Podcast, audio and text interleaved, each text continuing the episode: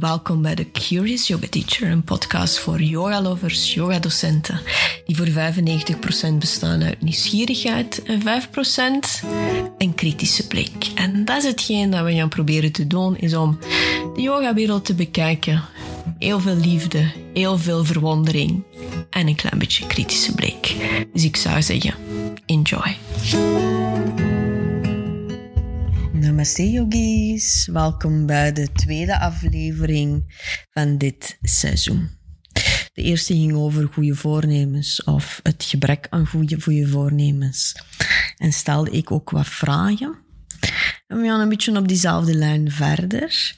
En deze aflevering gaat over drie belangrijke vragen die elke yogadocent zich moet stellen en dat elke yogadocent zich moet beantwoorden de, zich mag wagen. Dus drie belangrijke vragen die elke yogadocent moet beantwoorden.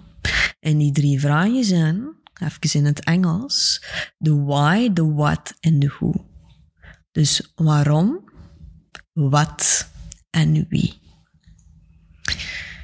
Waarom zijn deze drie vragen zo belangrijk? Is die vragen zorgen ervoor dat het jou een doel geeft, dat het jou richting geeft, dat je niet wordt afgeleid en dat je in de weg dat je volgt de juiste beslissingen neemt. Omdat het telkens aftoetst. En het schuilt het kaf van het koren.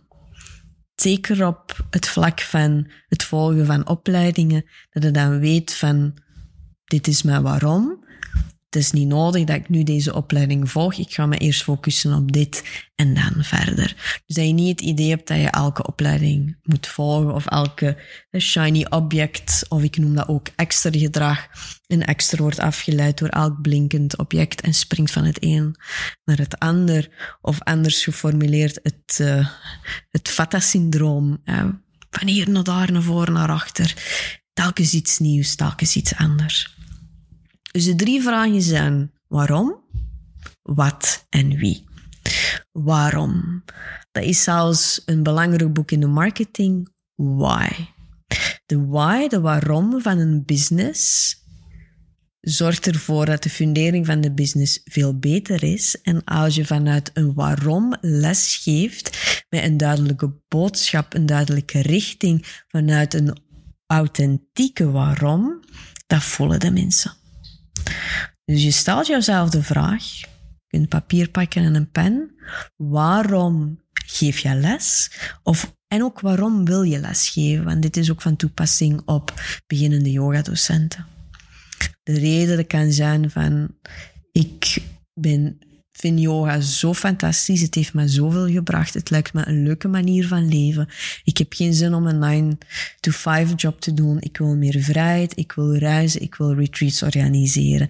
Dat is hetgeen dat ik wil doen.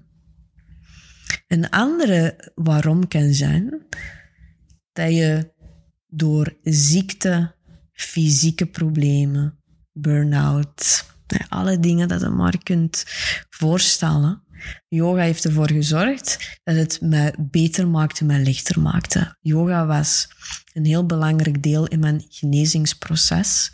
En ik wil net de mensen die hetzelfde doormaken, dragen, helpen. En dan hen de tools geven die ik zelf heb geleerd, die ik zelf heb gestudeerd. En elk vanuit jouw eigen belevenis dat doorgeven aan de mensen die hetzelfde meemaken. Dus je hebt jouw ervaring als lesgever en je hebt natuurlijk jouw, jouw ervaring. We noemen dat dan een ervaringsdeskundige. Een andere reden kan ook zijn dat je nood hebt aan mensen te helpen en dat je niet vanuit helpt vanuit iets dat je zelf hebt meegemaakt, maar dat je er rondkijkt en dat je voelt van dit is iets dat de community waar dat ik woon, dat is iets aan de mensen nodig hebben. Dus heel belangrijk is om te formuleren waarom. Waarom wil ik lesgeven? Waarom wil ik yogales geven? De volgende twee vragen, de wat en de wie, zijn natuurlijk fel met elkaar gekoppeld. Altijd terug toetsen op de why. Dus als je dan nadenkt van, maar wat wil ik geven? Welke onderdeel van yoga wil ik geven?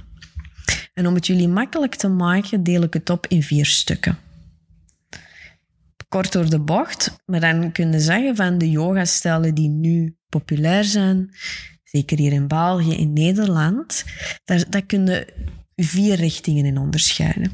En de eerste is spicy.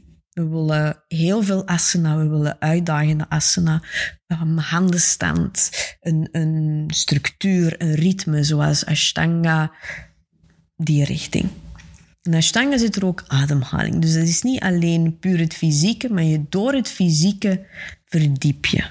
Creëer je een bepaalde flow en kun je ook alle andere aspecten van yoga ervaren. Maar je gaat merken dat vooral die richting heel fysiek is. De power yoga, de Ashtanga yoga, met een vaste structuur. Er zijn ook mensen die heel graag zo wat peuteren in de anatomie willen weten. Ik noem dat de de onderzoekers. De onderzoekers een beetje. Ik zeg niet aan anderen niet onderzoeken, maar op een ander, andere manier. Dan de tweede zijn de flowers. Vinyasa, creativiteit, vrijheid. Dat kan een trage flow zijn, dat kan een snelle flow zijn, dat is muziek. Het zijn aspecten van dansen. Het, het is gewoon het, het creatieve, het mythische, de, de, de mudras, de mantras, die richting. De derde richting is het eerder het introspectieve en het vertragen. De yin yoga, de restorative yoga, de slow flows. Daarin zit er ook meditatie, daar zit er ook yoga nidra in. En dan de vierde tak is hetgeen dat ik noem een beetje los van de asana. We willen vooral meer diepgang, de filosofie. Het gaat eerder over wat gebeurt er in ons hoofd en minder wat zijn de houdingen. En dus dat we dat we eerder gaan de boeken lezen en dit. Dus dat je heel duidelijk ziet van, ik durf het onder te verdelen in vier richtingen. De spicy, de flow, de, de, de rust, het vertragen en dan eerder het, daar zie je, los van het fysieke, maar naar binnen toe, de kennis. Dus als je je afvraagt van, wat wil ik? Wat wil ik geven? Wat is hetgeen dat ik zelfs het liefste doe? En ja, ik weet dat je nu denkt van ja, maar ik vind dat leuk en dat leuk en dat leuk. Maar probeer toch een bepaalde richting te kiezen. De reden waarom dat die stijl van yoga of de soort van yoga vorm dat je wilt geven belangrijk is, ga even uitleggen met een voorbeeld. Dus Veerle is iemand die heel graag yin doet, heel graag vertraagt. Vindt het leuk om mensen in de watten te leggen altijd een leuke sfeer te creëren. Maar dan ziet ze dat, dat haar vriendin een cursus volgt over pottenbakken. En dan ziet ze ook dat er daar een cursus is over hmm, handenstand. Dat lijkt wel leuk. En dan is er ook nog een, cursus over dit en over dat. En dan, dan ziet ze van, goh, daar in de buurt wordt er ook wel iets gegeven, somatic movement. Hmm. Dus dat je ziet van, dat ze altijd wordt aangetrekken door dingen die misschien wat meer buiten haar scope ligt, buiten hetgeen de richting dat ze uit wil. En telkens als je zoiets ziet voorbij komen, dan kun je jou de vraag stellen van, maar weet ik al genoeg in de richting waar ik uitga? Een vele zou dan bijvoorbeeld kunnen kiezen om misschien wat um, massagetherapie te volgen, om te zeggen van, ik ga sound uh, organiseren en ik wil daar meer over weten. Dat je misschien ook nog eens nadenkt van, ah, ik heb die cursus gezien over de polyvagal theorie, van ik weet er nog te weinig over en dan kan ik daar iets over leren. Misschien denk je van, ah, ik heb een yin-opleiding gedaan, maar waarom niet de Mayo-yin, waarbij dat we ja, aan de myofascial release werken. Dus dat je dan dingen kiest in de richting van jouw expertise. Maar op die manier worden niet gewoon een yogadocent, maar worden een expert yogadocent. Een andere richting kan zijn bijvoorbeeld Bart. Bart wil, heel, wil alles weten over anatomie, uitpluizen, wil graag dan de houding exact worden uitgevoerd. Ashtanga, Iyengar zijn zijn favorieten. Dus en als hij dan de flow ziet, oh, dan is wel leuk. En dan ziet hij yoga nidra en dan ziet hij dit en dan ziet hij dat. Maar dan denkt hij van, goh, in mijn richting dat ik heb gekozen, zijn er nog een aantal mankementen in de kennis dat ik heb en ik ga mij focussen op dat. Dat zorgt ervoor als iemand op zoek is naar introspectie, en die kijkt naar de website van Veerle of Instagram, dan gaat die zeggen van, oh, die Veerle, ah, wel, die kent er iets van. Ik ga naar daar. Als je voelt van ik wil de houdingen exact uitvoeren en ik wil wat getriggerd worden, ik wil wat uit mijn comfortzone, dan ga je naar apart. Maar als je alles doet en je hebt een cv waar dat erop staat, ja, en ik geef Ashtanga en Vinyasa en ik kan ook aerial yoga geven en ik heb ook een cursus yin gedaan en ja, restorative kan ik ook en soundbath kan ik ook. En dan heb ik dit, dat is natuurlijk goed dat jouw kennis breed is, maar dan denkt iedereen, ja, ze doet een beetje van alles, maar waar is ze goed in? Je wilt jou spes, kan niet babbelen, specialiseren in één richting dat een expert wordt. En wilde af en toe iets anders bijleren, absoluut. Maar die richting is belangrijk. Gekoppeld aan jouw why. En als je heel duidelijk weet van wat en wat wilde geven, wat voor soort yoga wilde geven, juiste keuzes maken, juiste profilering. Wat dat je kiest hangt natuurlijk af met aan wie dat je gaat lesgeven. Dus voor een stuk ook een beetje marktonderzoek doen. Wil ik lesgeven aan vrouwen? Maakt het niet uit. Wil je lesgeven aan een specifieke leeftijdscategorie? Wil je lesgeven aan mensen inderdaad die net uit het ziekenhuis komen? Mensen die aan het herstellen zijn van kanker? Zo die dingen. Dus je weet al waarom, je weet al wat. En als je dan goed nadenkt over, je weet wat dat je gaat geven, welk publiek wil net hetgeen dat ik aanbied, dan kun je ook kijken van, oké, als ik vooral sessies wil geven voor mensen die in de burn-out zitten, dan kan ik overdag les geven aan mensen die herstellen. Die hebben overdag tijd. Die gaan niet s'avonds laat, want dan zijn ze oververmoeid, die moeten op tijd in een bed. Dus dan kun je sessies overdag geven. Als je zegt van ik wil mensen helpen die aan het herstellen zijn van kanker, kunnen even polsen bij het ziekenhuis zodat er daar plek is. Dus je gaat zoeken naar de plekken waar het is. Woon je ergens waarbij dat de gemiddelde leeftijd 25 jaar is, dan weten dat het een iets dynamischere beweging zijn. Dat ze misschien nog niet klaar zijn voor yoga. Is de gemiddelde leeftijd 60. En weten dat heel veel mensen gaan vinden voor stoelyoga, voor andere vormen van beweging. Het is ook zien van wat heeft de... Oh, dat is een slecht woord, de markt nodig, maar voor een stuk wel. Je kijkt rond. En wat zorgt dit er opnieuw voor, is dat je jouw expert maakt in een bepaalde manier van bewegen, een bepaalde aanpak, dat je goed weet welke mensen dat je wilt benaderen. En als er dan kansen in jouw richting komen, dat het telkens aftoetst van, maar past dat bij mijn waarom? Past dat bij mijn wat? En past dat bij mijn wie? Dat, dat, dat is zo belangrijk. Want je gaat merken dat je momenten gaat hebben dat je het idee hebt van ik weet te weinig, ik moet bijleren.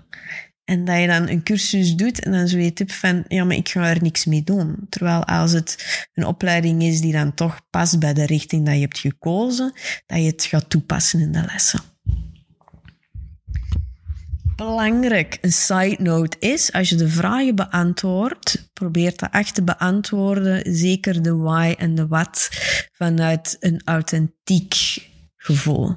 Even inchecken bij jezelf. Wat is hetgeen dat ik wil? Niet wat er op dit moment populair is.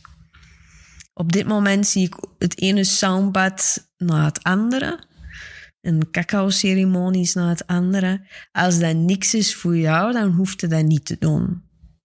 Want wat er gebeurt is, en ik zie dat bij heel veel yoga-studies en yogadocenten, dan doe hetzelfde. Dan heb je het gevoel dat iedereen hetzelfde doet. Dan verlies je jouw unieke aanpak. Dus toon wie dat je zijt. Geef waar dat je wilt geven. Geef ook aan de mensen waar je les wil aan geven. Sta ervoor en je gaat merken hoe enthousiast die mensen komen, omdat het allemaal past. En dan de dingen dat je gaat posten op je social media, de dingen dat je gaat zetten op jouw website. Uh, als je jouw, heel jouw cv hebt, ga je er de juiste dingen uit kiezen. Dan gaan mensen dadelijk weten, even kijken naar jouw website. Ah, ik weet wie dat Veerle is, ik weet wie dat Bart is. En dan gaan de juiste mensen bij jou terechtkomen. En niet iemand die zoiets heeft van, ik weet niet wat ik wil, dus ik wil er maar eens iets proberen. En dan het gevoel hebben van, well, dat is het toch niet. En dan zoiets van, die yoga, dat gaan we niet doen. Dus die vier richtingen, hoe dat ik erbij ben gekomen om dat in die vier categorieën te steken, is binnenkort start 300 uur Advanced Teacher Training. Voor iedereen die al 200 uur heeft en graag net dat expert level wil behalen, is wat ik doe is, voor diegenen die willen, organiseer ik dan, als ze zich hebben ingeschreven voor de eerste module, Roadmap roadmap to success. Dus even een babbeltje met mij om eens af te toetsen van welke richting wilde uit, die drie vragen beantwoorden, om dan zeker te zijn dat je op die manier de juiste opleidingen kiest, die mooi passen bij elkaar en die ervoor zorgen dat jouw lesgeven, jouw manier van de informatie overbrengen, het toepassen van goed naar fantastisch gaan. Ja? Dus wil je meer informatie over de 300 uur teacher training, kun je natuurlijk altijd vinden op de website. Ik organiseer ook infosessies waarbij ik die vragen stel. Maar schrijf ze op. De waarom, de wat en de wie. Toets af, telkens als je beslissing neemt. Welke opleiding ga ik volgen? Wat ga ik lesgeven? Waar ga ik lesgeven? En aan wie dat ik ga lesgeven.